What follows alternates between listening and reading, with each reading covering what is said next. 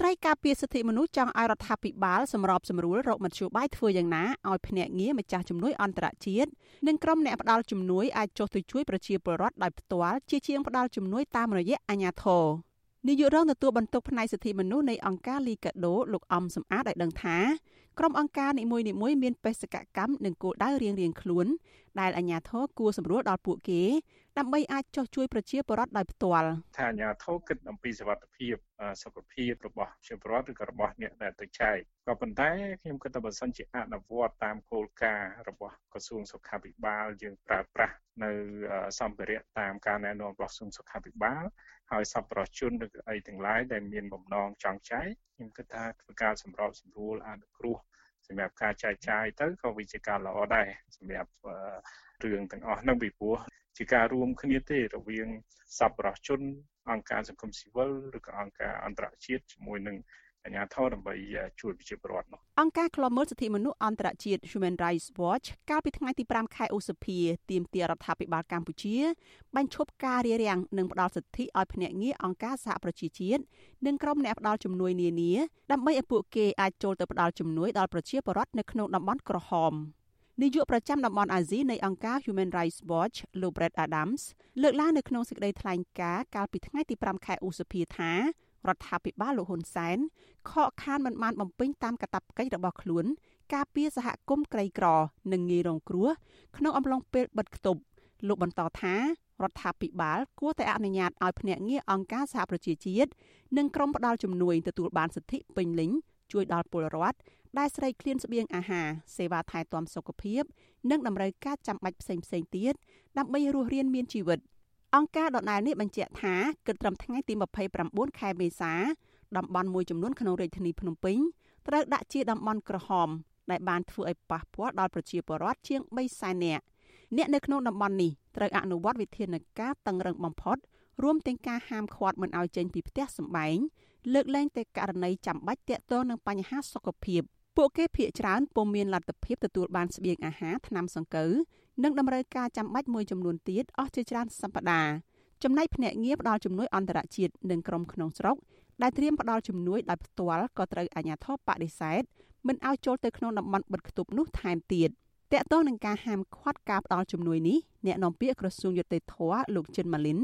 បានសរសេរនៅលើ Facebook កាលពីថ្ងៃទី2ខែឧសភាថាកន្លងមក មានអង្គការសង្គមស៊ីវិលមួយចំនួន ទាមទារចុះចែកអំណោយនៅក្នុងតំបន់ក្រហមដោយខ្លួនឯងដោយលោកចោទថាជាការធ្វើបែបអាណាធិបតេយ្យដូច្នេះលោកថារដ្ឋាភិបាលមិនអនុញ្ញាតឲ្យពួកគេធ្វើដូច្នោះទេព្រោះបំពេញវិធានការបិទគប់តែទោះជាយ៉ាងណារដ្ឋាភិបាលប្រកាសថានឹងបញ្ចប់ការបិទគប់រាជធានីភ្នំពេញនិងក្រុងតាខ្មៅ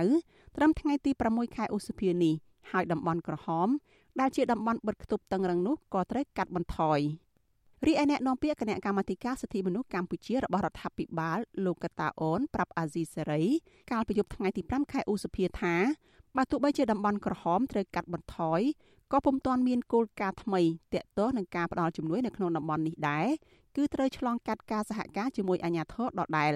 លោកក៏នៅតែអះអាងដដែលថាមកទល់ពេលនេះពុំមានពលរដ្ឋណាម្នាក់ស្លាប់ដោយសារតែខ្វះស្បៀងអាហារនោះនៅឡើយទេ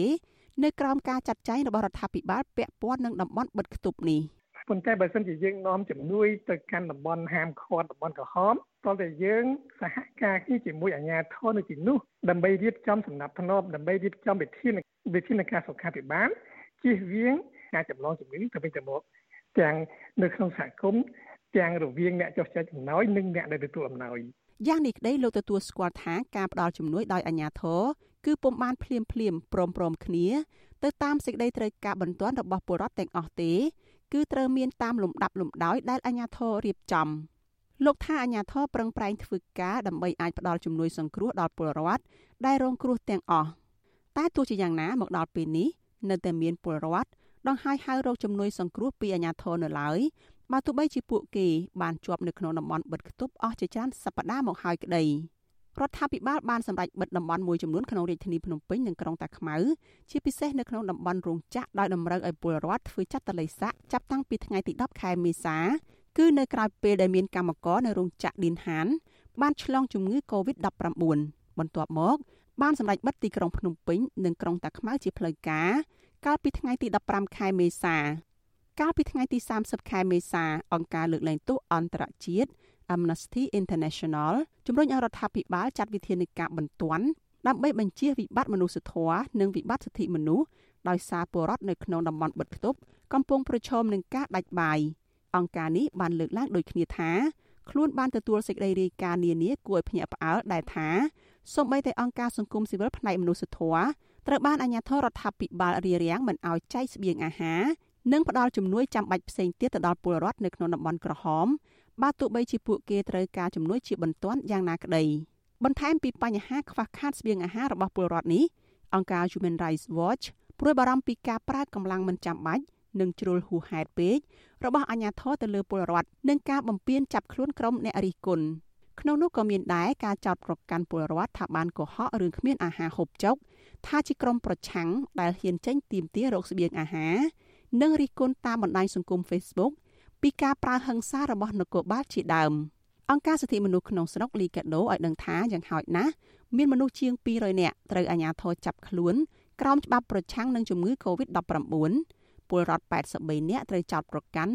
និងបញ្ជូនទៅឃុំខ្លួនក្នុងពន្ធនាគារចំណែកប្រធានស្ដីទីគណៈបកសង្គ្រោះជាតិលោកសំរងស៊ីក៏ត្រូវរងការចោទប្រកាន់តាក់ទងនឹងការរិះគន់រឿងខ្វះខាតជំនួយ និងការអំពាវនាវឲ្យពលរដ្ឋ មិនគោរពតាមវិធានការបិទគប់នាងខ្ញុំសុជីវីអាស៊ីសេរីរាយការណ៍ពីរដ្ឋធានី Washington